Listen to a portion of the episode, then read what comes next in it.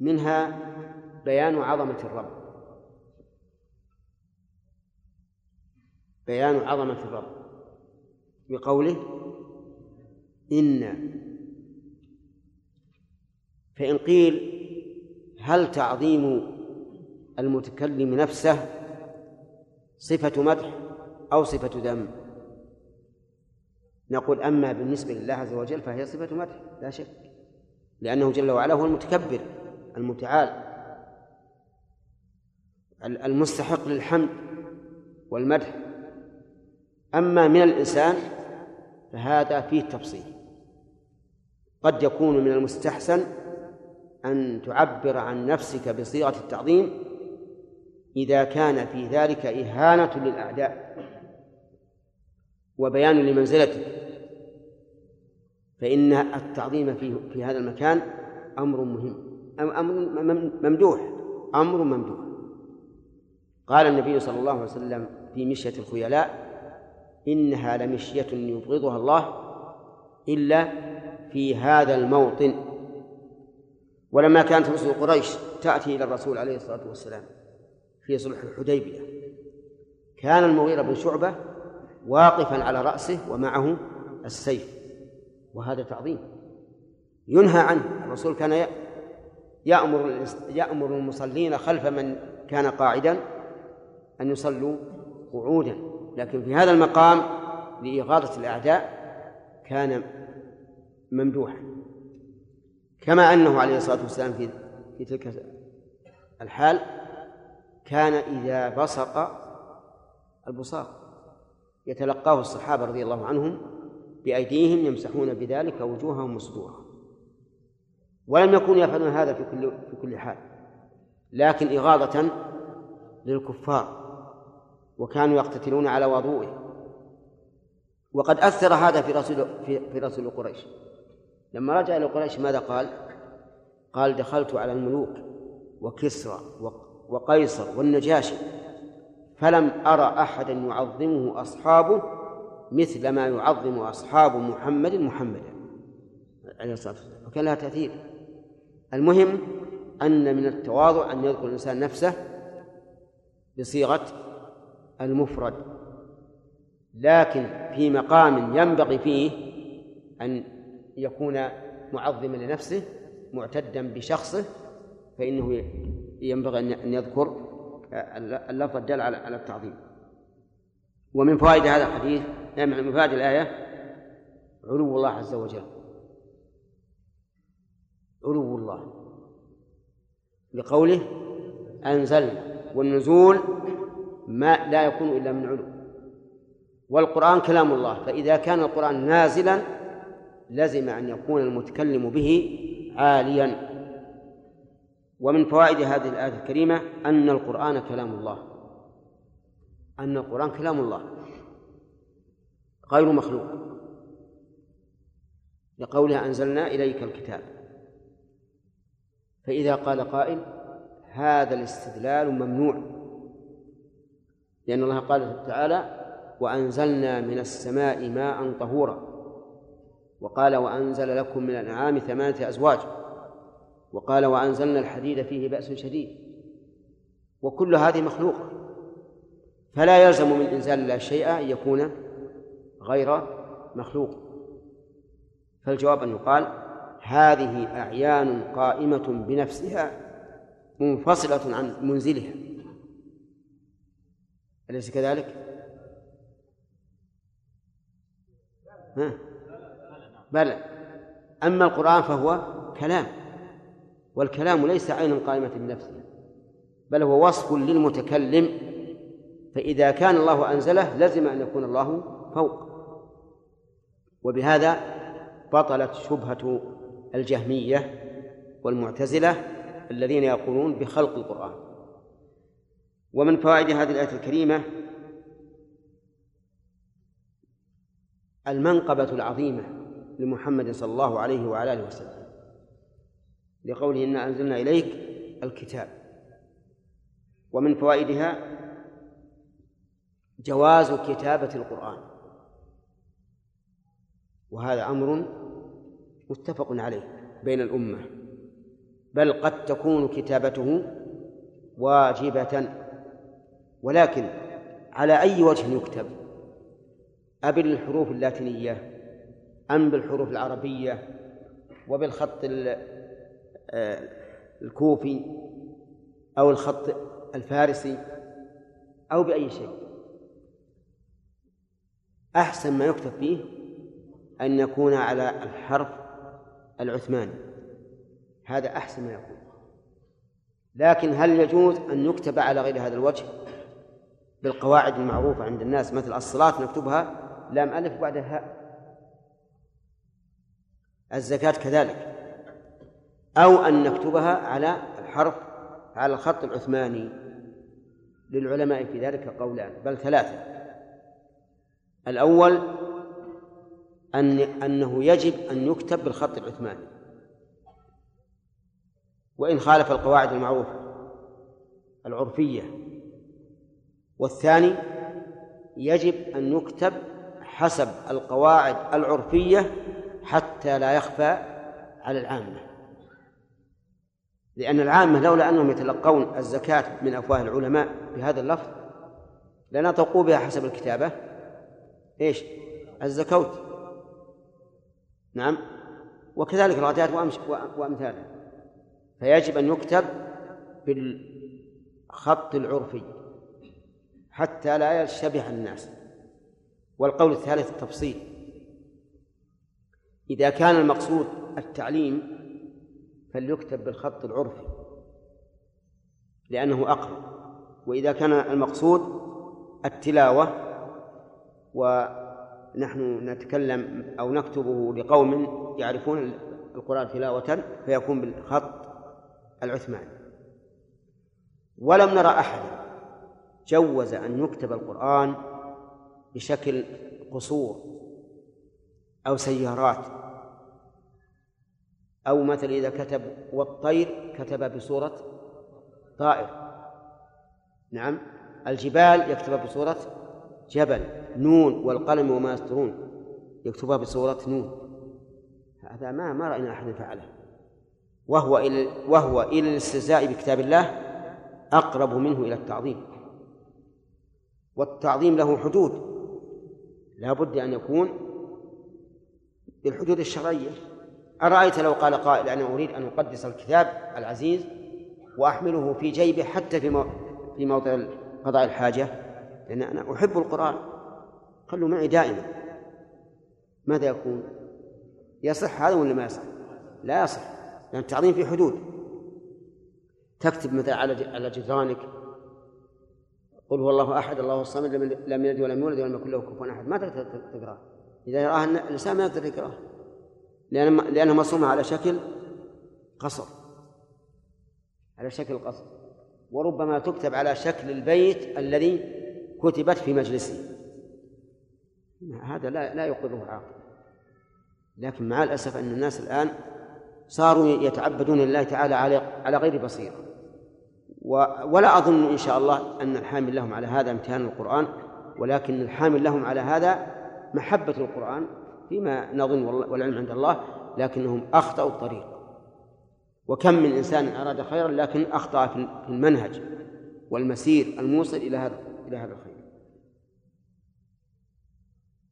ومن فوائد هذه الآية الكريمة وصف القرآن بما لا يدع مجالا للشك أن التمسك به هو الخير للأمة. لقوله بالحق. فإذا أرادت الأمة العزة والتمكين والنصر فلتكن قائمة بالقرآن الكريم لأن القرآن نزل بالحق. ومن فوائد هذه الآية الكريمة إثبات العلل في أفعال الله الشرعية والكونية. من أين تؤخذ؟ من قوله تحكم لأن اللام للتعليل. ولا شك أن تعليل الله عز وجل أن تعليل أحكام الله عز وجل ثابتة. ثبوتا قطعيا لا إشكال فيه وأنها من تمام من تمام صفاته. وقد أنكر قوم أن يكون فعل الله تعالى أو حكمه بحكمة. وقالوا إن إن أفعال الله ما له حكمة لأنه لا يسأل عما يفعل وهم يسألون ولأنه يفعل لمجرد مشيئة لكنهم أخطأوا. أخطأوا بما استدلوا به باستدلالهم وأخطأوا بحكمهم. لأننا لو رفعنا الحكم عن أفعال الله وأحكامه لكانت أحكامه وأفعاله لعبا ولهوا ولغوا. والله عز وجل يقول وما خلقنا السماوات والأرض وما بينهما باطلا. ذلك ظن الذين كفروا فويل للذين كفروا من النار. ويقول عز وجل وما خلقنا السماوات والأرض وما بينهما لاعبين ما خلقناهما إلا بالحق ولكن أكثرهم لا يعلمون. ويقول جل وعلا أفحسبتم أنما خلقناكم عبثا وأنكم إلينا لا ترجعون. ويقول تعالى أيحسب الإنسان أن يترك سدى؟ إلى غير ذلك من الآيات الدالة على أن الأفعال بلا حكمة لعب وله وسدى وعبث.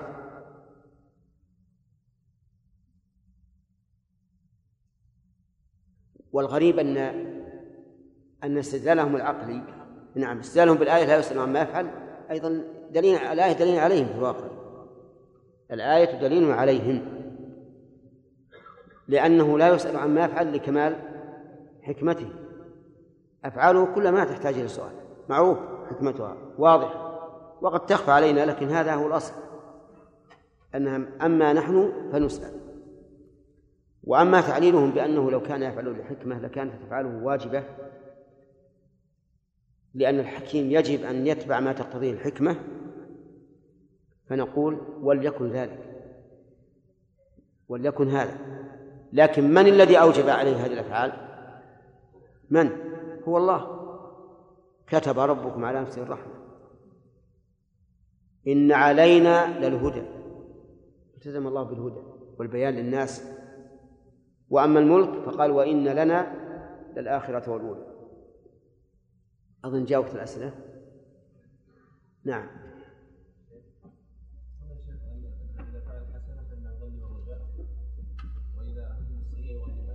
نعم. كيف؟ الإنسان الإنسان حارس وهمام. كل إنسان حارس وهمام. لا بد أن يكون لك همة. ما يمكن الإنسان يجد من دون همة أبدا.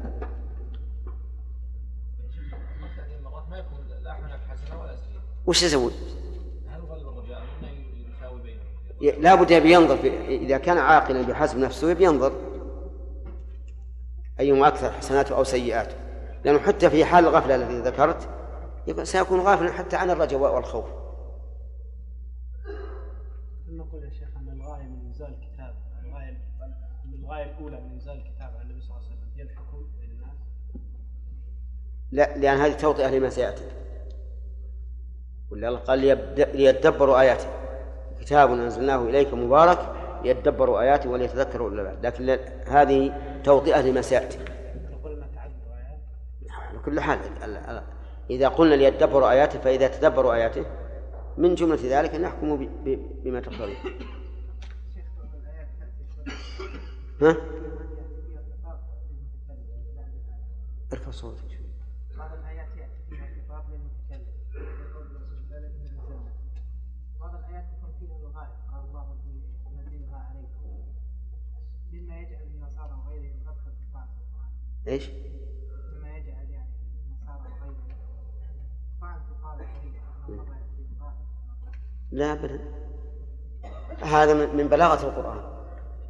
لأن تكلم المخاطب لأن صيغة الخطاب بصيغة الغائب من المتكلم غالبا تكون للعظمة. كأن يقول الملك الملك يأمر بكذا وكذا. الملك يأمر بكذا وكذا. وأيضا موجود الآن في المراسم الملكية. نحن فلان من فلان. ويذكر. نعم. عبد الله العوفي الله إليك إذا ذكر مثلا يعني النبي صلى الله عليه وسلم على صيغة الضمير أن أنزل إليك. أو مثلا يعني وأن يحكم بينهم بما أراك الله. لتحكم لتحكم بين الناس بما أراك الله. نعم. لا وأن يحكم بينهم بما أنزل الله. إيه. نعم تتأكد الصلاة عليه من السامع كما تتأكد فيما لو ذكر مضمرا وهل يشمله الظاهر أن المراد ال- الاسم. إذا ذكر اسمه. أما الضمير فلا أظن كذلك- كذلك. شيخ يرضى الله عنك هل نأخذ من هذه الآية إن أنزلنا إليك الكتاب بالحق لتحكم بين الناس بما اراك الله؟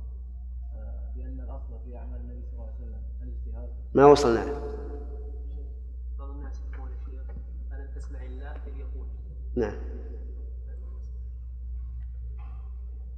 ما سمع مباشره أي نعم. هذه من باب التجوز. من باب التجوز. مثل ما يقول ترى الله يقول كذا وكذا. نعم. الأسئلة؟ نعم.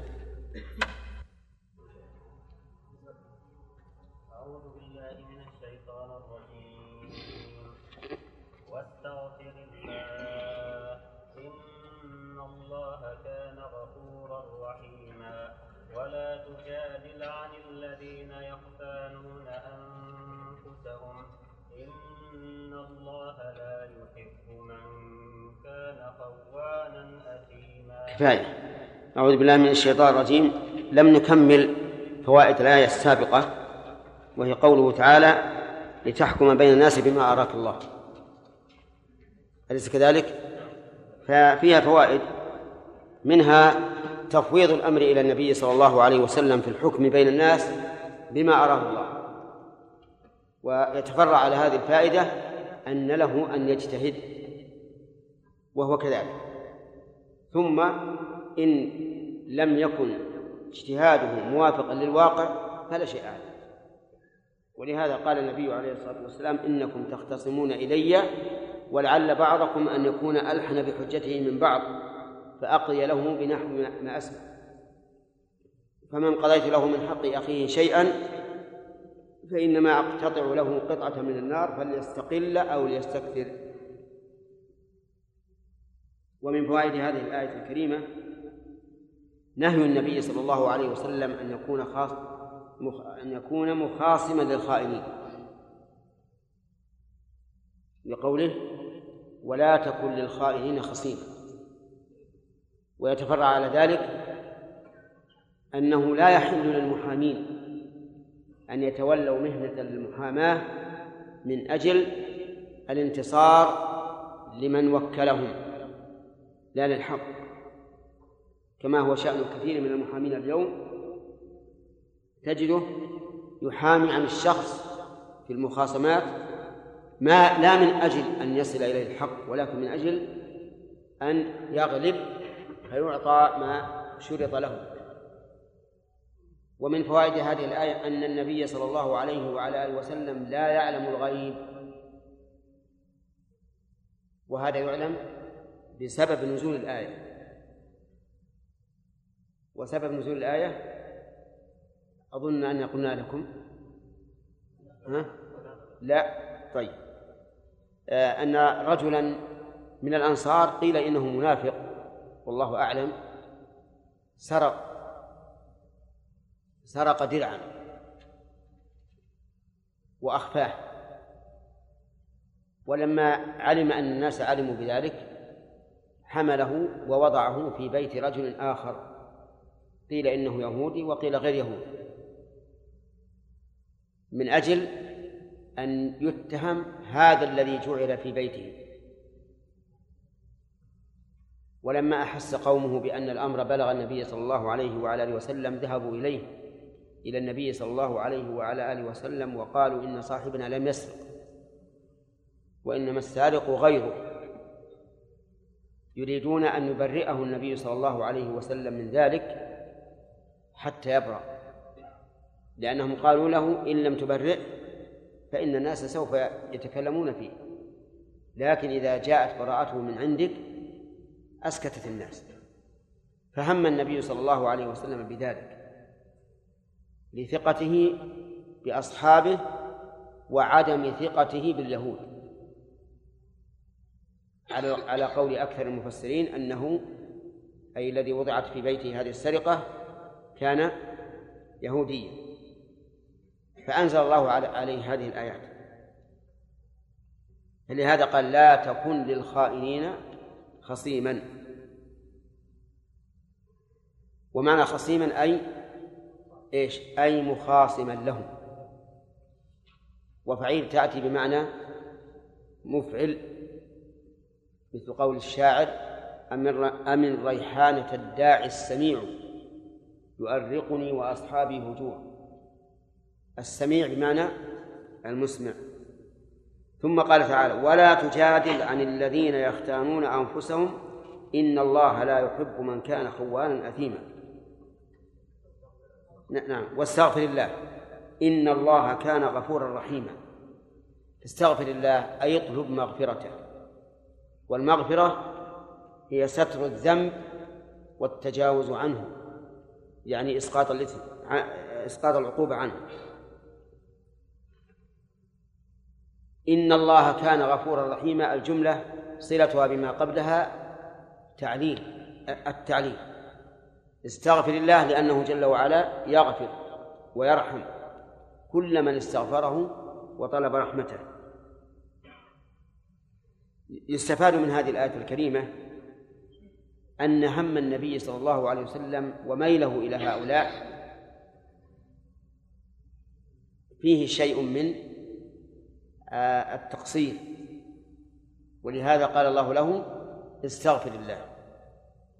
فيؤخذ منها أنه يجب على الحاكم أن يتأنى في الحكم وأن لا يتعجل بل يتريث لا سيما مع وجود قرائن. ومن فوائد هذه الآية الكريمة أن النبي صلى الله عليه وعلى آله وسلم يمكن أن يقع منه الذنب. وهذا هو الحق. وأنه يمكن أن يقع منه الذنب إلا ذنبا ينافي مقتضى الرسالة. مثل الخيانة والكذب وما أشبه ذلك. وقال بعض أهل العلم إن النبي صلى الله عليه وعلى آله وسلم لا يمكن أن يذنب وأن المراد بذنوبه ذنوب أمته. أو أن المراد بذلك تعليمه ليتعلم الأمة أو لتتعلم الأمة. ولكن هذا ليس بصحيح. أما الأول فإن الله تعالى قال استغفر لذنبك وللمؤمنين والمؤمنات. والقرآن منزه عن التكرار. لأن لو قلنا استغفر لذنبك أي ذنب أمتك أي ذنوب أمتك لكان قوله وللمؤمنين والمؤمنات تكرارا لا فائدة منه. وأما كونه نبيا فلا يمكن أن يذنب فنقول إن الذنب إذا تلته التوبة فقد يكون الإنسان بعدها خيرا منه قبلها. فهذا آدم عليه الصلاة والسلام كان من الأنبياء فأذنب فصارت منزلته وحاله بعد الذنب أكمل منها قبل الذنب. لأن الله تعالى قال وعصى آدم ربه فغوى ثم اجتباه ربه فتاب عليه وهداه نعم النبي عليه الصلاة والسلام معصوم من أن يقر على دم بخلاف غيره بمعنى أنه إذا أذنب فلا بد أن يستغفر بتنبيه الله له أو بتنبهه هو. أما غيره فليست له هذه الميزة. وهذا يظهر به الفرق بين الأنبياء وغيره. ومن فوائد هذه الآية الكريمة إثبات هذين الاسمين من أسماء الله وهما الغفور والرحيم. فبالغفور زوال المكروه أي زوال آثام الذنوب. وبالرحمة إيش؟ حصول المطلوب. أن الله ييسر الإنسان لما يكون به لما تكون به رحمة الله. ومن فوائد هذه الآية ما استنبطه بعض العلماء من أنه ينبغي لمن استفتي أن يقدم بين يدي فتواه الاستغفار. لأن الله قال لتحكم ثم قال واستغفر الله. ولأن الذنوب تحول بين الإنسان وبين معرفة الصواب. كما قال تعالى إذا تتلى عليه آياتنا قال أساطير الأولين كلا بل ران على قلوبهم ما كانوا يكسبون. فهم لم يقولوا إن القرآن أساطير الأولين إلا لأنه حيل بينهم وبين معرفة حقيقته بسبب إيش؟ ذنوبهم التي رانت على قلوبهم. وهذا القول وجيه. أن الإنسان إذا أراد أن يفتي أن يقدم بين يدي فتواه الاستغفار. لا سيما إذا التبست عليه المسألة واشتبه عليه الحكم فهو يدعو بذلك وكذلك يدعو بقوله اهدني لما اختلف فيه من الحق بإذنك إنك تهدي من تشاء إلى صراط مستقيم. ثم قال تعالى ولا تجادل عن الذين يختانون أنفسهم إن الله لا يحب من كان خوانا أثيما. قوله لا تجادل لا ناهية. والمجادلة هي مماراة الخصم من أجل الظهور عليه. مماراة الخصم من أجل الظهور عليه. سميت بذلك إما من الجدل وهو فتل الحبل وإحكامه لأن المجادل يحكم حجته. وإما من الجدالة وهي الأرض وكأن المجادل يطرح خصمه على الأرض. حتى لا يكون به حراك. وعلى كل حال فهي الممرات والمدافعة من أجل الظهور. على يا كمال. هيا ما ما بالك اليوم؟ أتريد أن تتوضأ؟ طيب. ولا, ولا تجادل عن الذين يختانون أنفسهم. والنهي عن المجادلة هل يستلزم وقوعها؟ الجواب لا. قد ينهى الإنسان عن الشيء وإن لم يقع لكنه قد يقع. ينهى عن شيء متوقع غير واقع. فلا يلزم من قوله تعالى ولا ولا تجادل أن يكون النبي صلى الله عليه وسلم جادل عنه. ولا تجادل عن الذين يختانون أنفسهم أي يطلبون لها الخيانة فيوقعونها فيها. وهم هؤلاء الذين قالوا إن صاحبنا لم يسرق وإن السارق هو اليهودي. إن الله لا يحب من كان خوانا أثيما. وإذا كان الله تعالى لا يحب من كان خوانا أثيما فإنه لا يجوز الجدال عنه أي عن هذا الخوان الأثيم. لأن المجادلة عنه مضادة لله عز وجل لأنها تأييد له مع أن الله لا يحبه. وقوله خوانا خوانا هذه صيغة مبالغة. فيحتمل أن تكون على بابها وأن الله لا يحب كثير الخيانة. ويحتمل أن تكون للنسبة فلا يلزم منها الكثرة. ويكون المعنى إن الله لا يحب من كان ذا خيانة. من كان ذا خيانة. وفعال تأتي للنسبة كقوله تعالى وما ربك بظلام للعبيد أي بذي ظلم وليس المعنى بكثير الظلم لأن الظلم منتفع عن الله تعالى قليله وكثيره.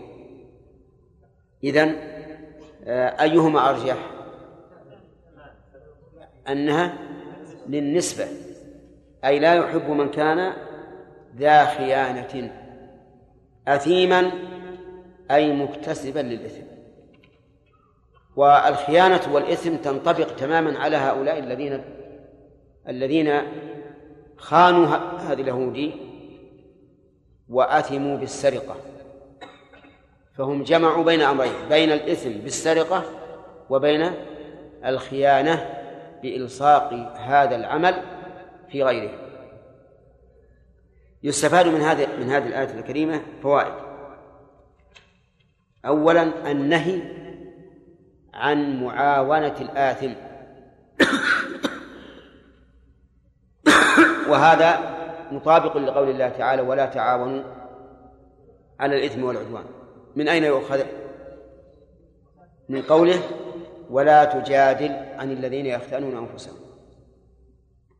ومن فوائدها أن اهتداء النبي صلوات الله وسلامه عليه بتوجيه الله تعالى وإرشاده. لقوله ولا تجادل فإن هذا توجيه من الله عز وجل لنبيه محمد عليه الصلاة والسلام أن لا يجادل عن هؤلاء. ومن فوائد الآية الكريمة أن الخائن لغيره خائن في الحقيقة لنفسه حيث أوقعها في المآثم والخيانة. فلا يظن الخائن الذي يكتسب بخيانته ما يكتسب لا يظن أنه رابح بل هو خائن من؟ خائن نفسه. ولهذا قال النبي صلى الله عليه وعلى آله وسلم من غش فليس منا. ومن فوائد هذه الآية الكريمة إثبات محبة الله. القاضي منين تؤخذ؟ هذا نفي للمحبة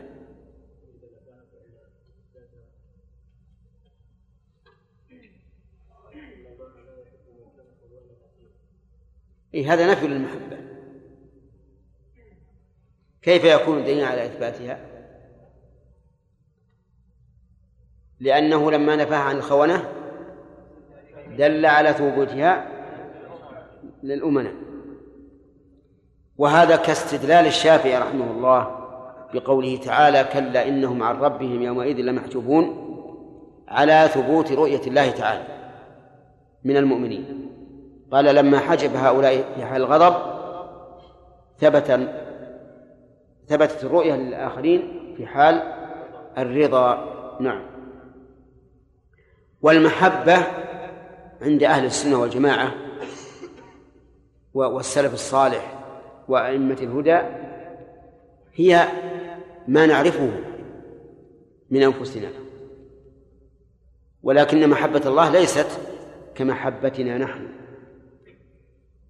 بل هي محبة كسائر صفاته الله أعلم بكيفيتها لكن نعلم نحن معنى معنى المحبة وإذا كانت المحب المحاب بيننا تختلف باعتبار إضافتها وباعتبار قوتها وضعفها فالاختلاف بين المخلوقات يكون الخلاف بين المخلوق والخالق من باب من باب أولى.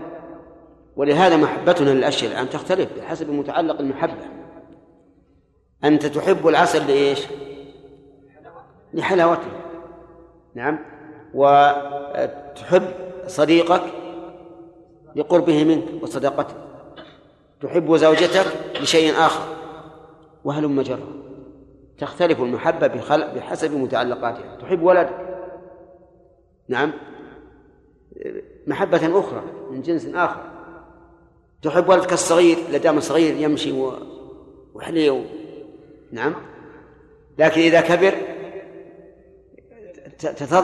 تضعف المحبة الأولى وتنتقل إلى محبة ثانية من نوع آخر. فالمحاب تختلف بإيش؟ باختلاف متعلقها طيب إذا كان الله تعالى يحب محبة حقيقية فما هي المحبة؟ المحبة هي المحبة ولهذا قال ابن القيم رحمه الله في كتابه روضة المحبين قال لا يمكن أن تحد المحبة بمعنى أظهر من من المحبة من لفظها يعني مهما كنت مهما قلت هي ميل الإنسان مثلا إلى ما يلائمه. لو قلت ميل الإنسان إلى ما يلائمه هذا ليس ليس المحبة. هذا أثرها ولازمها. ولذلك لا يمكن المعاني النفسية لا يمكن إطلاقا أن تعرف بغير لفظها طيب إذا محبة الله عز وجل ثابتة حقيقة. ولكنها لا تكيف ولا تمثل. لا تكيف لقوله تعالى ولا تقف ما ليس لك به علم. ولا تمثل لقوله تعالى ليس كمثله شيء. طيب من فسر المحبة بالثواب؟ فهذا محرف لأنه فسرها باللازم. فسرها باللازم فهو محرف لأن الإثابة فرع عن إيش؟ عن المحبة فالصواب أنها محبة حقيقية لكنها تستلزم الثواب والرضا وما أشبه ذلك ومن فوائد هذه الآية الكريمة أن الخيانة من كبائر الذنوب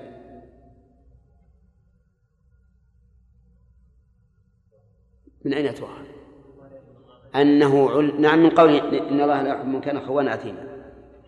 لأنه إذا رتب على الذنب إذا رتب على العمل عقوبة خاصة فهو من الكبائر.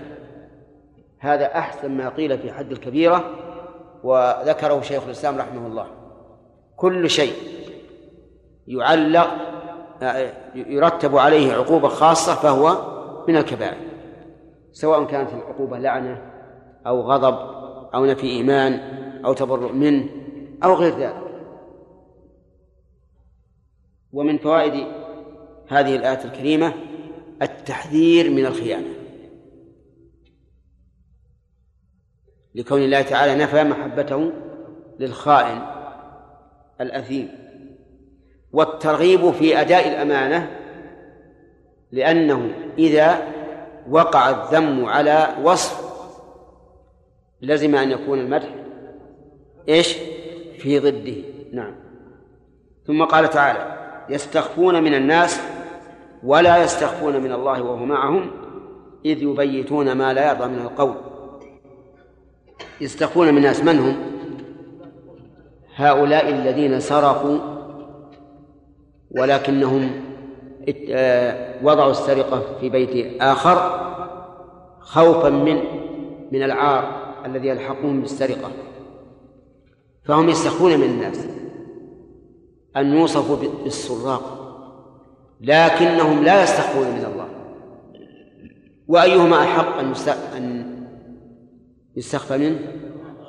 الله عز وجل هو الأحق أن يستحيا منه وأن يخاف منه عز وجل. أما الناس فإنهم لا يضرونك ما دام الذي بينك وبين ربك سليما وقوله وهو معهم إذ يبيتون ما لا يرضى من القول قوله وهو معهم الجملة هنا حال حال من أين؟ من الوافي يستخفون ولا من الله؟ من لفظ الجلالة أقرب يعني ولا يستخفون من الله والحال أنه معهم. وقوله وهو معهم المعية يعني المصاحبة. لكن معية كل شيء بحسبه. والأصل في معنى هذه الكلمة هي المصاحبة. لكنها تختلف ويختلف مقتضاها بحسب ما تضاف إليه. فيقال مثلا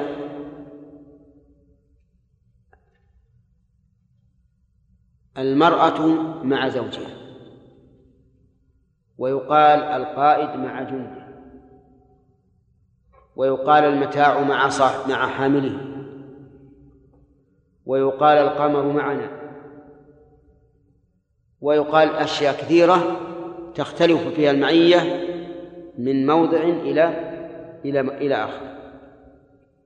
لكن يجمع هذه المعاني كلها يجمعها المصاحبة مطلق المصاحبة وتختلف مقتضياتها بحسب ما تضاف إليه. فالله تعالى مع هؤلاء الذين بيتوا ما لا من القول ومع الذين اتقوا والذين هم محسنون والمعيتان تختلفان تختلفان بحسب إيش؟ مقتضاهما ولوازمهما. والله تعالى مع محمد عليه الصلاة والسلام في الغار ومع موسى وهارون في الرسالة وتختلف هذه المعية عن معيته مع المؤمنين والمتقين وما أشبه ذلك بحسب ما تضاف إليه. فما الذي تستلزمه هذه المعية في هذه الآية؟ ما الذي تستلزمه المعية في هذه الآية؟ التهديد. تستلزم التهديد. بالإضافة إلى الإحاطة. لأن المعاني الخاصة بالإضافة إلى المعنى العام وهو الإحاطة التامة بالخلق. ثم هل هذه المعية حقيقة أو المراد بذلك لازمها؟ الصواب أن المراد بها المعية الحقيقية. وأنه سبحانه وتعالى معنا لكنه في السماء. ولا منافاة بين بين المعنيين. لا منافاة لثلاثة أوجه. الوجه الأول أن الله تعالى جمع بين هذين المعنيين في القرآن بل في آية واحدة. هو الذي خلق السماوات والأرض في ستة أيام ثم استوى على العرش. يعلم ما يلج في الأرض وما يخرج منها وما ينزل من السماء وما يعرج فيها وهو معكم أينما كنتم. مع أنه ذكر أنه مستو على العرش. ولا يمكن أن يجمع الله لنفسه بين وصفين متناقضين أبدا. الوجه الثاني أنه لا منافاة بين العلو والمعية فإن هذا ثابت في المخلوق فيما تقوله العرب ما زلنا نسير والقمر معنا. مع أن القمر من أصغر الأجرام السماوية. ومع ذلك هو مع المسافر وغير المسافر وهو في السماء. فإذا جاز اجتماعهما عن اجتماع حقيقة النعية والعلو في حق المخلوق فاجتماعهما في حق الخالق إيش؟ من باب أولى. الوجه الثالث أنه لو فرض امتناع اجتماعهما في حق المخلوق فإنه لا لا لا ينافي اجتماعهما في حق الخالق. أو لا يقتضي فإنه لا يقتضي اجتماعه انتفاء اجتماعهما في حق الخالق. لأن الله تعالى ليس ليس كمثله شيء وهو السميع البصير. فإذا كانت السماوات السبع والأرضون السبع في يده جل وعلا كخردلة في يد أحدنا فهل يمكن أن يقاس بالخلق؟ لا يمكن إذن فنحن نؤمن بأن الله تعالى معنا حقيقة وهو في السماء يعلم ما في قلوبنا ويسمع ما نقول ويرى ما نفعل وله السلطة التامة علينا والقدرة التامة وهذه كلها من مقتضيات المعية وقد فسرها السلف أو كثير منهم بهذه المقتضيات. فقالوا معنا بعلمه وهذا لا ينافي أن أن يكون المراد بالحقيقة لأنهم يفسرونها أحيانا باللازم كما قال ذلك الشيخ الإسلام تيمية رحمه الله في مقدمة التفسير أن التفاسير الواردة عن السلف قد يكون التفسير باللازم لا لانتفاء الحقيق المعنى الحقيقي. من فوائد الآية الكريمة أن هؤلاء بيتوا ما لا يرضى من القول. يعني صاغوه واجتمعوا عليه متى؟ ليلا لأن البيات لا يكون إلا بالليل. ولهذا في بعض الروايات أنهم جاءوا للرسول صلى الله عليه وسلم في الليل. بعد أن طبخوا ما طبخوا من آرائهم جاءوا إلى الرسول صلى الله عليه وسلم. فيستفاد نعم. يستفاد من ذلك شدة اختفاء هؤلاء وأنهم لا يحبون أن يطلع أحد عليهم. هل يؤخذ منه أننا إذا أردنا أن نخفي شيئا نصنعه في الليل؟ نعم. نعم ربما يؤخذ منه. ولهذا في المثل السائر أمر قضي بليل. نعم. ومن فوائد هذه الآية الكريمة إثبات الرضا لله. ها؟ ناخذ الفوائد ونشرح مع بعد؟ إثبات الرضا لله عز وجل. لقوله ما لا يرضى من القول. وجهه أن نفي الرضا عن هؤلاء يدل على ثبوته لغيره إذ لو كان منتفيا عن الجميع ما حسن أن ينفع عن هؤلاء. فما هو الرضا؟ نعم. الرضا الثابت لله رضا حقيقي. وليس كناية عن إثابتهم كما قاله أهل التحريف. بل هو رضا اتصف الله به حقيقة لكنه ليس كرضانا بل هو رضا أعظم وأجل ولا يمكن أن نحيط به. وهل أثبت الله لنفسه الرضا؟ يعني هل ذكره لنفسه وأضاف لنفسه على وجه الإثبات؟ نعم. مثل؟ رضي الله عنهم ورضوا عنه. طيب. والله تعالى يرضى من الأقوال. يرضى من الأقوال والأفعال والأشخاص. يعني أن متعلق رضاه يكون إما بالأعمال وإما بالأقوال وإما بالأشخاص.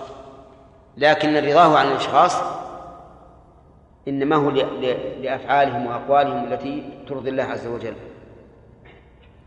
ومن فوائد هذه الآية الكريمة إحاطة الله تعالى بكل شيء. لقوله وكان الله بما يعملون محيطا. فإن قال قائل قدم المتعلق المتعلق على المتعلق وهذا يفيد الاختصاص. فالجواب على ذلك ما أشرنا إليه سابقا بأن تقديم ذلك لا يعني الاختصاص لكن يعني شدة الوعيد وتعلق الحكم بهذا المقدم. يعني كأن الله تعالى يقول لو لم يكن عالما بشيء لكان عالما بعمله. فيستفاد منه يعني فالمقصود من ذلك شدة وعيد هؤلاء وأنه لا يمكن أن يخفى عن الله عز وجل. أما ما ادعيتم أننا لم نشرع لم نفسرها فأنا أقبل دعواه نعم. أصبر. تقول ما ما شرح ما فسرناها. نعم. جاوبت الأسئلة؟ طيب. نعم. إن شاء تعالى أجل في الدرس القادم بإذن الله. نعم.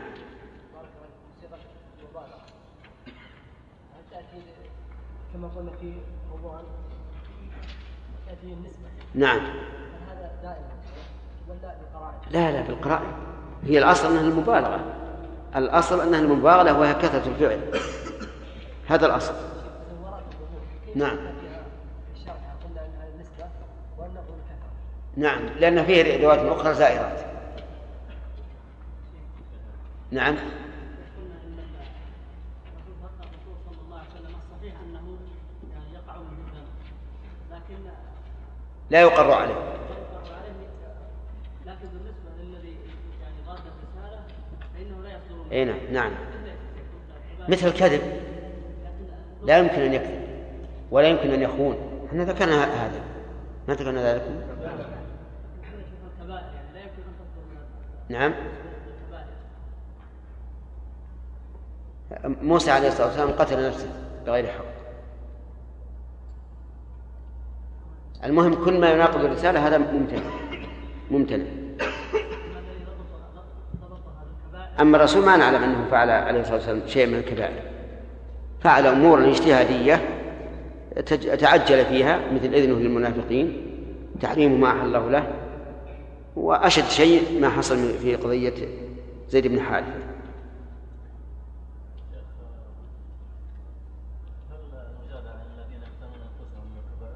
كيف؟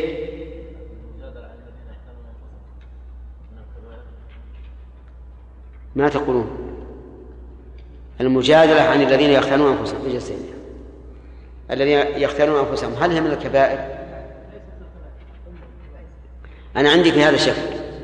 يعني من أعان شخصا على كبيرة ولم يشاركه فيها فالإنسان يتوقف في أن يكون فعله من الكبائر. فقد يقول إنه من الكبائر لأن الرسول صلى الله عليه وسلم لعن آكل الربا وموكله وشاهديه وكاتبه وقال هم سواء. وقد يقال إنه لا يمكن أن يكون مثل فاعل كبيرا لأنه لم يباشر الذنب وإنما أعان عليه. فهو على خطر في رايي انه على خطر. نعم.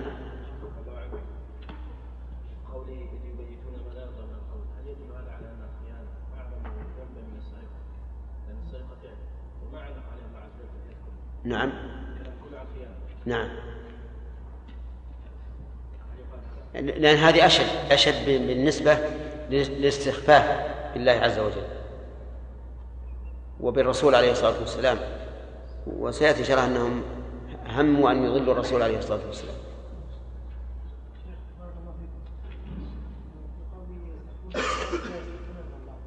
هذا قلنا هذا عام كل ما عن الإنسان أنه يستخفى من الناس بهذا الفعل ولا يستخفى الله عز وجل إيه شك إن هذا إن هذا لهم ولغيرهم كل إنسان يكون المخلوق عنده أشد من الخالق فيستخفي من المخلوق ولا يستخفي من الله لا شك أنه في شبه من هؤلاء.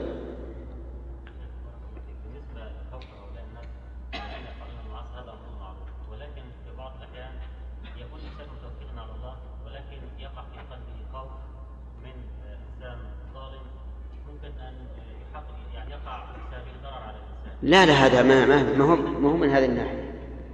لكن الإنسان مثلا يريد أن يفعل ذنبا فيكتمه عن الناس ولا يكتمه يكتمه عن الناس ولا يكتمه عن الله. أي. ويعمل ما يخلصه منه. نعم. ما في شيء. هذا نعم بارك الله فيك قلنا أن الخيانة من كبائر الذنوب التي أكثر الله عليها الرسول شيخ الخيانة الواحدة أو الكثير الواحد. نعم. لأن الإصرار على الخيانة على الخيانة ما في إشكال. حتى الصغائر إذا أصر الإنسان عليها صارت كبائر.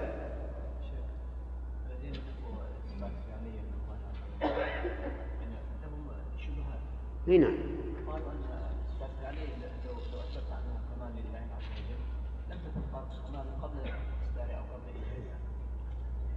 نحن ما أجبنا عن هذا يا جماعة. يقول إن الصفات الأفعال الأفعال الاختيارية فيها شبهة لأن لو كانت كمالا لكان متصفا بها أزلا وأبدا وإن كانت نقصا فإنه لا يمكن أن يتصف بها وهي- نقص. هذا بحثنا به بحثناه وأجبنا عنه وقلنا إنها هي في حال وجود أسبابها كمال وفي حال انتفاء أسبابها نقص. لو غضب الله تعالى بدون أن يكون هناك سبب للغضب لصار نقصا. وإذا غضب مع وجود مقتضى مقتضي الغضب صار كمالا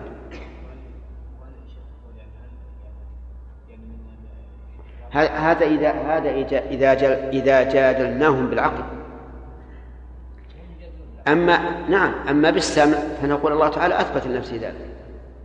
فعلينا أن نثبته. أثبت نفس استوى على العرش ورسوله أثبت أنه ينزل للسماء الدنيا. خلاص يكفي هذا. لكن حتى في العقل نجادلهم ما في مانع. تقول يسكن هكذا قلت. نعم. نعم. السلام عليكم يا شيخ. عليكم السلام ورحمة الله. نعم الله يحييك. الآن نبدأ قريبا. ها؟ السؤال هل هو ساكن أو غير ساكن؟ إذا معناها من هذا الشرط فيكون متمتع. الدرس اليوم في التفسير يا أخ عادل. أي نعم. الدرس في التفسير. ثم بعده الكافي إن شاء الله. نعم. من أحسنكم قراءة. أنت ضعفهم؟ لا أنا أحسنهم. من؟ العودة؟ عبد الله عوض؟ يلا يا عبد الله. وقفنا على آخر ما ما ما درسنا. أعوذ بالله من الشيطان الرجيم. ومن يعمل سوءا أو يظلم نفسه ثم يستغفر الله يجد الله غفورا رحيما. ومن يكسب إثما فإنما يكسبه على نفسه وكان الله عليما حكيما. ومن يكسب خطيئة أو إثما ثم يرم به بريئا فقد احتمل بهتانا وإثما مبينا. ولولا فضل الله عليك ورحمته لهمت طائفة منهم أن يضلوك وما يضلون إلا أن يضلوك. لهمت طائفة منهم أن يضلوك. وما يضلون إلا أنفسهم وما يضرونك من شيء. وأنزل الله عليك الكتاب والحكمة وعلمك ما لم تكن تعلم وكان فضل الله عليك عظيما. أحسنت. أعوذ بالله من الشيطان الرجيم. قال الله تعالى ومن يعمل سوءا أو يظلم نفسه ثم يستغفر الله يجد الله غفورا رحيما نعم.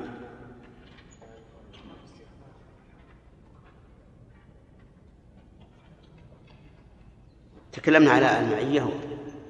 أخذنا الفوائد ذكرنا المعية وأقسامها. طيب. نعم. إيش؟ ودخلتم إيش؟ ما شرحت؟ كما الفوائد ولم نكملها هي طيب ها؟ إيش؟ الإعراب أي أي طيب آه، نأخذ ما بقي من فوائد قوله تعالى يستخفون من الناس ولا يستخفون من الله وهو معهم إذا إلى آخره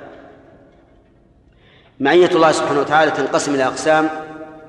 معية يقصد بها بيان الإحاطة أي بيان إحاطة الله تعالى بكل شيء ومنه قوله تعالى ما يكون من نجوى ثلاثة إلا هو رابعهم ولا خمسة إلا هو سادسهم ولا أدنى من ذلك ولا أكثر إلا هو معهم إلا ولا أدنى من ذلك ولا أكثر إلا هو معهم أينما كان.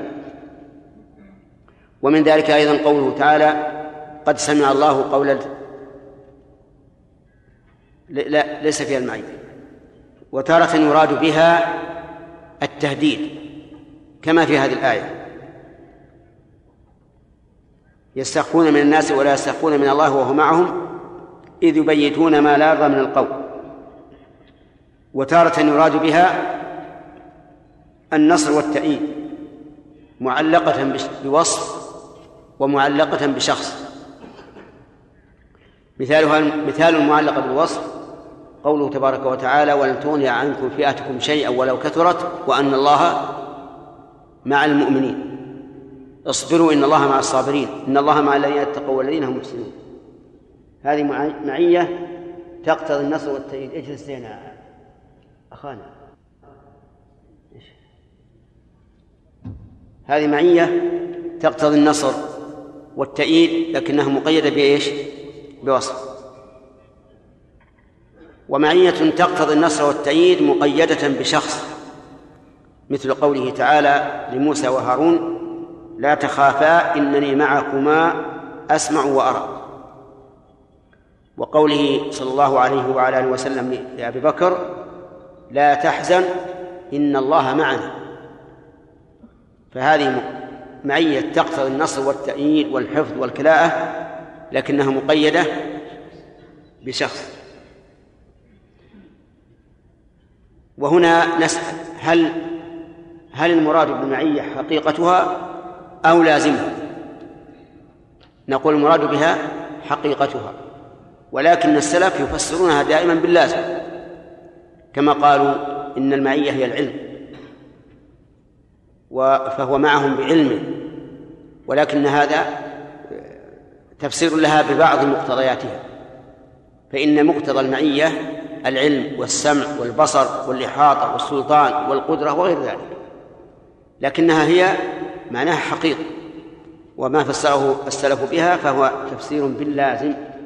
وكما قال شيخ الإسلام رحمه الله في مقدمة التفسير يقول إن السلف قد يفسرون الشيء بلازمه فإذا قلنا إنها حقيقة فهل هذا يعني أننا ذهبنا إلى ما ذهب إليه أهل الحلول؟ الذين قالوا إن الله معنا بذاته في أمكنتنا الجواب لا. بل نحن ننكر هذا غاية الإنكار ونقول إنه ضلال بل إنه كفر. وإنما نقول إنه معنا حقيقة وهو في السماء. لأن الآيات بل لأن الأدلة السمعية والعقلية كلها تدل على أن الله في السماء. ولا ينافي ذلك أن يكون معنا. آه، لوجوه ثلاثة. الأول أن الله تعالى جمع بينهما في وصفه نفسه. ولا ولا يجمع الله تعالى بين متناقضين. ثانيا أن العلو والمعية ممكنان في حق المخلوق. كما يقولون ما زلنا نسير والقمر معنا. أو النجم الفلاني معنا بل أحيانا الجبل الفلاني معنا ومع ذلك فهو في مكان. فالقمر في السماء والنجم في السماء والجبل بعيد وما أشبه هذا. ثالثا لو فرض أن بين المعنى الحقيقي للمعية وبين العلو منافاة في حق المخلوقات فليس في ذلك ثابتا في حق الخالق. لأن الخالق ليس كمثله شيء في جميع صفاته فهو كما قال شيخ الإسلام رحمه الله في العقيدة الواسطية هو علي في دنوه قريب في علوه. طيب و وذكرنا أيضا من فوائد الآية إثبات الرضا لله. أليس كذلك؟ تكلمنا عليه. طيب ذكرنا أيضا إحاطة إحاطة الله عز وجل بكل شيء. وذكرنا لماذا قدم بما يعملون والمعروف أن تقديم المعمول يدل على الحصر والله محيط بكل شيء. فلماذا خصه بما يعملون؟ من باب التهديد. وأنه وأن ما فعلتم لا يخفى على الله عز وجل. ثم قال ها أنتم هؤلاء جادلتم عنهم في الحياة الدنيا. ها للتنبيه. وأن مبتدأ وهؤلاء إما منادى محذوف الأداة والتقدير يا هؤلاء وعليه فيكون قوله جادلتم هو خبر المبتدأ. وإما أن تكون هؤلاء هي الخبر. ها أنتم هؤلاء ويكون تكون الجملة جادلتم في محل نصب على الحال. أي ها أنتم مجادلين عنهم في الحياة الدنيا. والإشارة في قولها أنتم الإشارة إلى قوم الرجل الذي سرق درعا واتهم به رجلا من اليهود. كما ذكرناه في تفسير الآيات جادلتم عنهم وهم قد جادلوا عن رجل واحد. لكن لكن هذا الجدال عن الرجل الواحد هو حقيقة جدال عن الجميع. لأن وصم السرقة لرجل من القبيلة هو وصم إيش؟ لجميع القبيلة إذ إذ يعيرون بذلك فيقال منكم السراق كفلان مثلا ولهذا قال جادلتم عنهم والمجادلة إنما كانت عن شخص واحد في الحياة الدنيا وقد يكون الجدل آه، فيه الغلبة ولو بالباطل في الحياة الدنيا. لأنه قد يجادل الإنسان بالباطل ويأتي بكلام فصيح بين يلبس به الحق بالباطل وينجح. لكن فمن يجادل الله عنهم يوم القيامة؟ ومن هنا استفهام بمعنى النفي أي لا أحد يجادل الله عنهم يوم القيامة.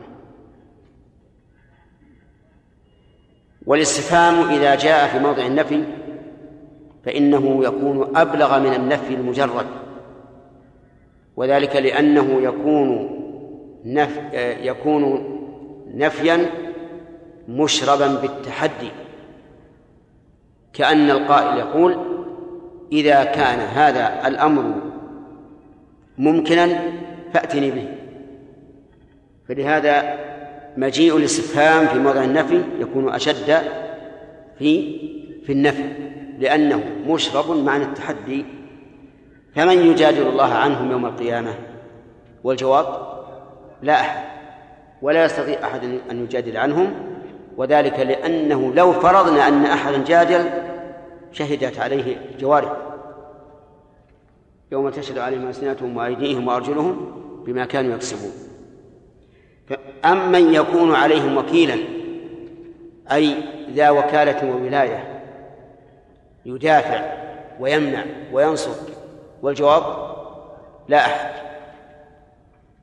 في هذه الآية الكريمة فوائد منها أن المجادلة والمخاصمة في الباطل إن نفعت في الدنيا فلن تنفع في الآخرة. تؤخذها جابر.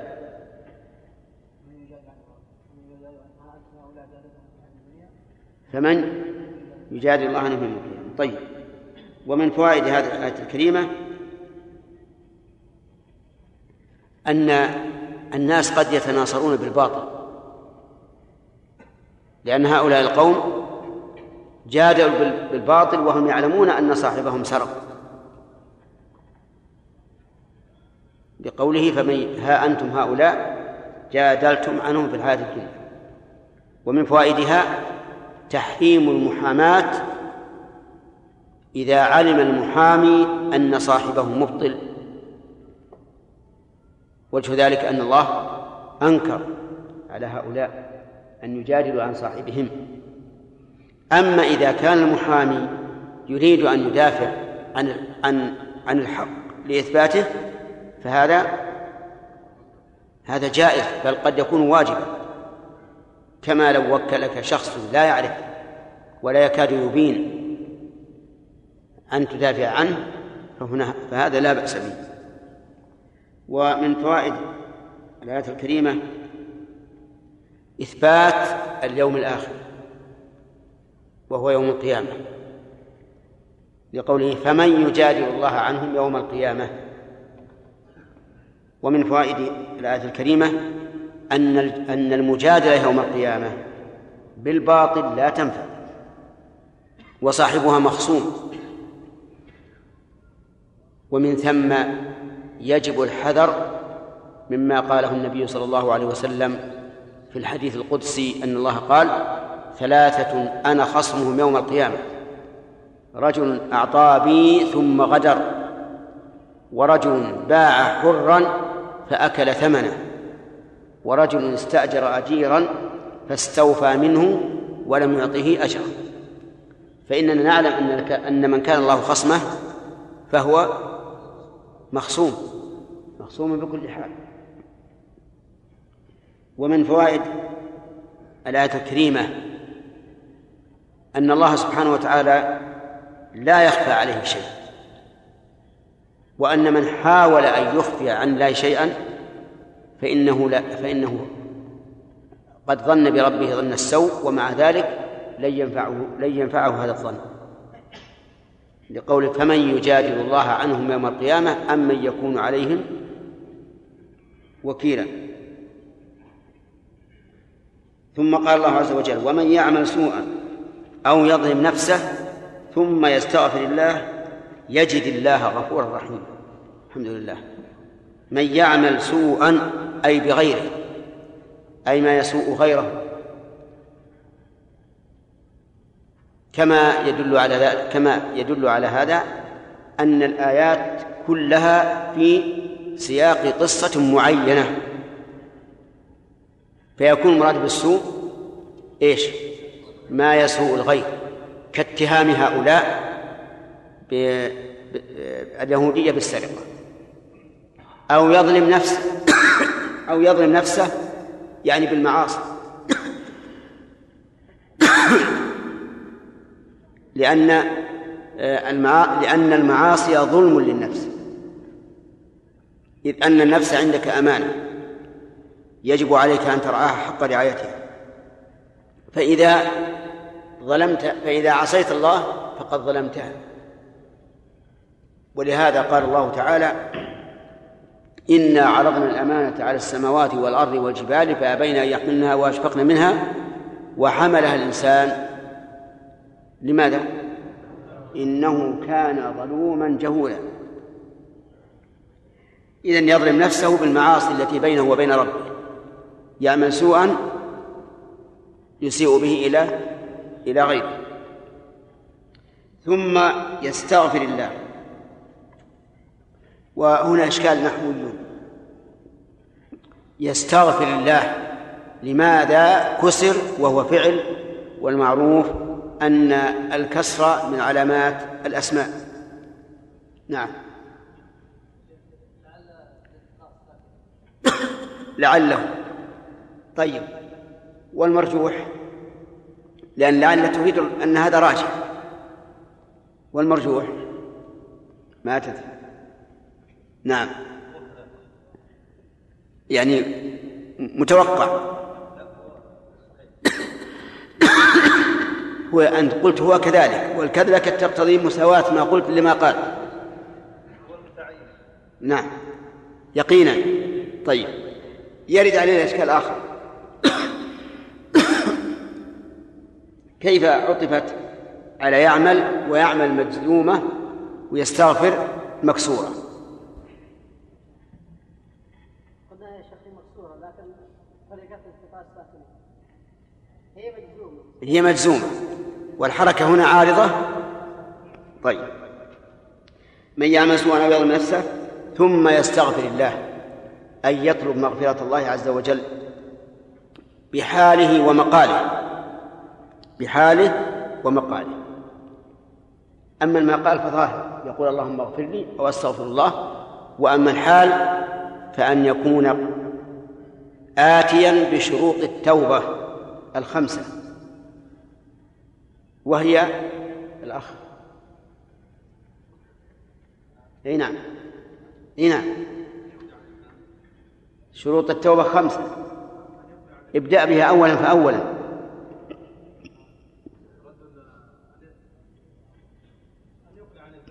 أولا فأول أولا فأول ترك الذنب يقطع. الذنب يا أخي. نتكلم عن شروط التوبة. قبلها شيء.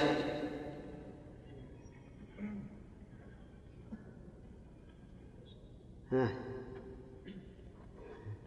إن شاء الله لا نتهمك بأنك لم تتوب إن شاء الله.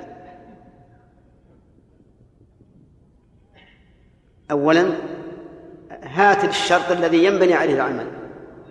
أحسنت. بارك الله فيك. الإخلاص. يعني بأن لا أهمله على التوبة مراعاة واحد من الناس. ثانيا لا قبله.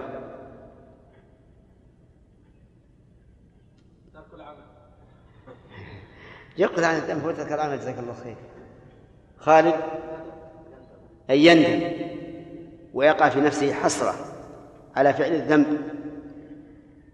الثالث نعم أن يقلع عن الذنب. الرابع العزم على أن لا يعود. والخامس أن يكون في وقت التوبة أي في الوقت الذي تقبل فيه التوبة. بس اصبر الآن. طيب. إذا يستغفر الله أن يطلب المغفرة بإيش؟ بحاله ومقاله. فيقول اللهم اغفر لي. فما هو المغفرة؟ المغفرة ستر الذنب والتجاوز عنه. وليست الستر فقط لأن الاشتقاق يدل على أنه لا بد من ستر ووقاية إذ أنها مأخوذة من المغفر. والمغفر ما يغطى به الرأس من الفولاذ ونحوه لاتقاء السهام فيحصل به ستر ووقاية.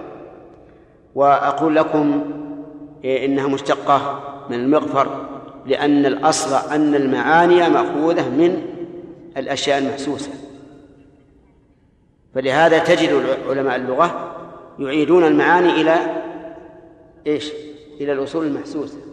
يقول مشتق من كذا. وأصل ذلك على ما قيل أن الإنسان إنما صار يتكلم تقليدا لما يسمع حوله من صرير الرياح وحفيف الأشجار وما أشبه ذلك. هكذا قيل.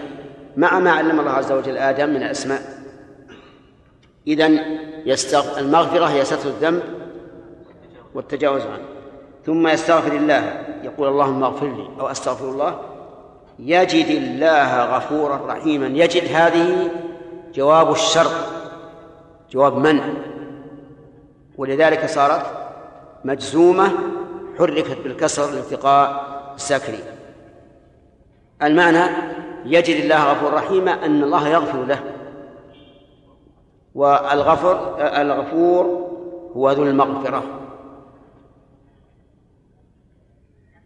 كما قال تعالى وإن ربك لذو مغفرة للناس على ظلمهم والرحيم هو ذو الرحمة كما قال تعالى وربك الغفور ذو الرحمة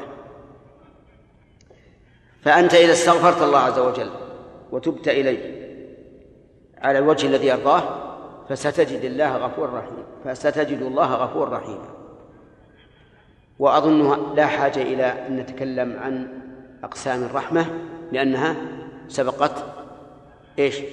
مرارا وتكرارا. أفهمتم هذا؟ لا إله إلا الله. الرحمة تطلق على صفة الله عز وجل وعلى آثار الصفة أي على الشيء المخلوق. تطلق على الرحمة التي هي صفته وعلى آثار الرحمة التي هي خلقه. أما الأول فهو الأصل أن الرحمة صفة من صفات الله عز وجل. وأما الثاني فمنه قوله تعالى للجنة أنت رحمتي أرحم بك من أشاء. ليس المعنى الرحمة التي هي وصفه لأن الرحمة مخلوق بائن. ومن ذلك أيضا على قول بعض أهل العلم وهو الذي ينزل الغيث من بعد ما قنطوا وينشر رحمته. ينشر رحمته. يعني النبات وما يحصل من الرزق بالماء النازل من السماء. أما الرحمة التي وصفه التي هي وصفه فإنها تنقسم عند أهل العلم إلى قسمين عامة وخاصة. فالعامة هي التي تشمل كل مخلوق والخاصة هي المختصة بالمؤمنين والتي يتصل بها أو والتي تتصل بها سعادة الدنيا والآخرة. الرحمة العامة رحمة لعموم الناس أو لعموم الخلق في الدنيا. ولهذا نجد أن الكفار لهم لله تعالى عليهم رحمة. رزقهم أمدهم أعطاهم عقولا أي عقولا يدركون بها لا عقول رشد وتصرف. وهذا عامة وكلما مر بك من ذكر اسم الرحيم فالمراد به العام. ويدخل ضمن الخاص. أما إذا خص فهو الخاص كقوله تعالى وكان بالمؤمنين رحيما وهذه رحمة خاصة بالمؤمنين. العجب أن الأشاعرة أنكروا وصف الله بالرحمة وأثبتوا له الإرادة. قالوا لا يجوز أن نثبت لله رحمة لأن الرحمة رقة ولين ولا تليق بالخالق. نعم. وهذا بناء على أصلهم الفاسد وهو أنهم يتلقون ما يعتقدون في ربهم من من عقولهم الفاسدة أيضا. لأن لأن الدليل الصحيح لا يناقض العقل الصريح. يقول لا تصف الله بالرحمة. فمعنى الرحيم عندهم المنعم أو مريد الإنعام. المنعم لأن النعمة إيش؟ منفصلة بائنة مخلوقة. أو مريد الإنعام لأنهم يثبتون الإرادة. وسبحان الله انظر للعقل المتناقض. يقول الإرادة دل عليها العقل بواسطة التخصيص. يعني تخصيص بعض المخلوقات في شيء من الأشياء تدل على الإرادة. كون الآدمي على هذا الوصف والحصان على هذا الوصف. ما الذي جعل هذا على وصف وهذا على وصف؟ إرادة الله عز وجل. قالوا إن تخصيص المخلوقات بما تختص به يدل على إرادة الله. والاستدلال بهذا على الإرادة استدلال خفي. لا يدركه إلا طلبة العلم بعد أن يقرأوا أيضا. ولا يثبتون الرحمة التي آثارها يعرفها الخاص والعام. الليل والنهار والمطر والأشجار والأنهار والبحار. كل يعرف أن هذه من رحمة الله. ولذلك تجد العام إذا أمطر الماء السماء يقول مطرنا بفضل الله ورحمته ولا يشك في هذا. لكن من لم يجعل الله له نورا فما له من نور. طيب. في هذه الآية الكريمة فوائد. أولا أن من أساء إلى غيره إلى غيره ثم استغفر الله غفر الله له. وحينئذ يشكل علينا أن العلماء قالوا إن الدواوين ثلاثة. منها ديوان الخلق يعني المعاملة مع الناس هذا لا يغفره الله. لا يغفره الله عز وجل. ولكن ظاهر النصوص أنه إذا صحت التوبة غفره الله. إذا صحت التوبة. والدليل لهذا قوله تعالى والذين لا يدعون مع الله إلها آخر ولا يقتلون النفس التي حرم الله إلا بالحق ولا يزنون. ومن يفعل ذلك يلقى أثاما يضاعف له العذاب يوم القيامة ويخلد فيه مهانا إلا إلا من تاب. مع أنه ذكر القتل. فإذا تاب الإنسان من القتل توبة تمت شروطها فإن الله يغفر له. ومن شروط التوبة في القتل أن يسلم نفسه لأولياء المقتول. فإذا سلم نفسه لأولياء المقتول فقتلوه أو عفوا عنه مع ندمه على ما فعل واستغفاره لربه فإن حق المقتول يتحمله الله عنه يوم القيامة. عرفتم؟ لأن لأن إيفاء المقتول حقه في هذه الصورة متعذر والقاتل الذي صحت توبته يقول في نفسه لو أمكنني أن أستحل الميت لفعلت لكني أنا الآن لا أقدر على أكثر من أن أسلم نفسي لأولياء المقتول. فهذا يتحمله الله عنه. طيب لو أن أحدا سرق مالا من شخص فهذا عمل سوءا في غيره وتاب من ذلك. هل يتوب الله عليه؟ نعم. إذا تم شروط التوبة ومن شروط التوبة أن يرد المال لصاحبه فإذا رد المال لصاحبه فقد تاب. وعلى هذا فنقول ظاهر الآية هنا وغيرها أيضا من من النصوص أنه متى صحت التوبة حتى في حقوق الآدمي التي لا يستطيع أن يتخلص منها فإن الله تعالى يقبل توبته. من فوائد الآية الكريمة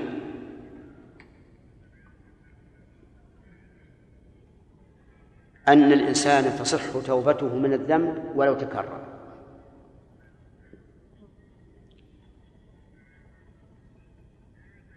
ما تدخل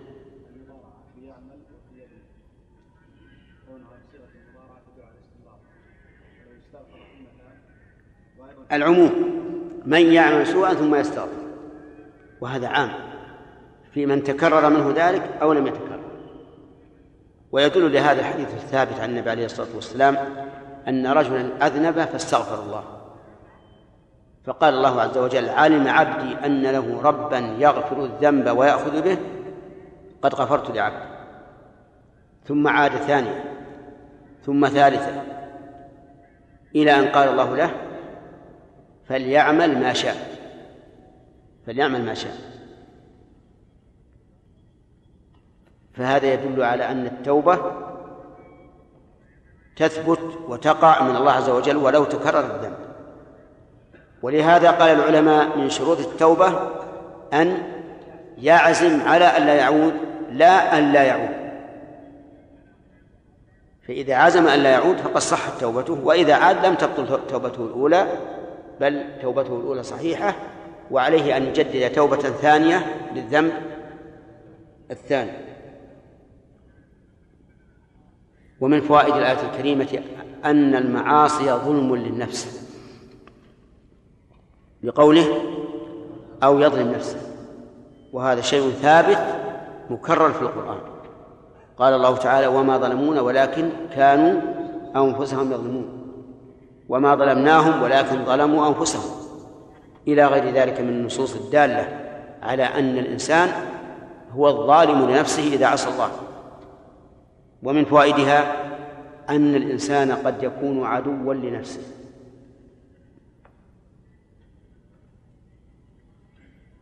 تؤخذ ابن داود.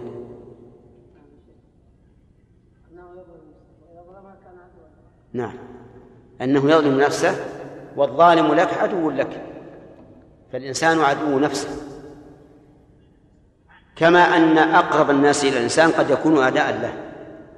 إن من أزواجكم وأولادكم عدوا لكم فاحذروهم. فأنت احذر نفسك فإنها عدوك. ومن فوائد الآية الكريمة أن الله تعالى يقبل من عبده الاستغفار إذا تمت شروطه أي بلسان حاله ومقاله لقوله يجد الله غفورا رحيما أن تستغفر أصدق في استغفارك ستجد الله عز وجل غفورا رحيما. ثم قال عز وجل ومن يكسب إثما فإنما يكسبه على نفسه وكان الله عليما حكيما. خلاص نقف لا نعم.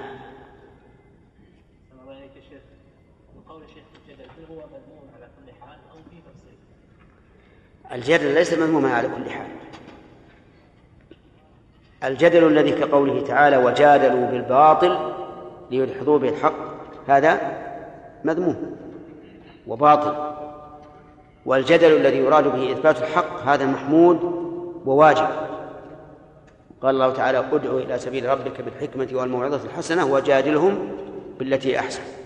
الحديث يا شيخ أنا زعيم قول الرسول عليه الصلاة والسلام. نعم. أنا زعيم البيت في رمض الجنة لمن ترك الميراث ولو كان نعم. هذا غير المراء في الدين. ثم لاحظ أن المراء غير الجدال. المراء هو الذي يقصد المجادل فتل الخصم بحق أو بغير حق نعم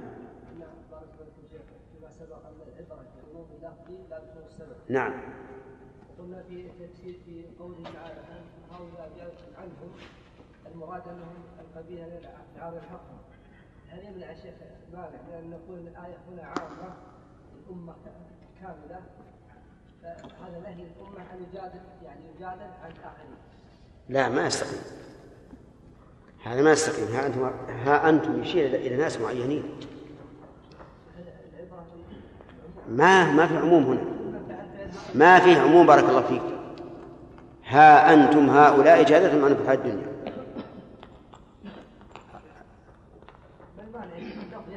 ما يحتمل. أبدا. حين يشير إلى ناس معينين ويقول يحتمل العموم. ها عين ما في شك. عين. لا لكن على كل حال غيرهم مثلهم. لو أن احدا جادل عن شخص بالباطل نقول له أنت جادلت عن الآن وربما تنجح لكن من يجادل الله يوم القيامة؟ ولهذا من اقتطع من الأرض شبرا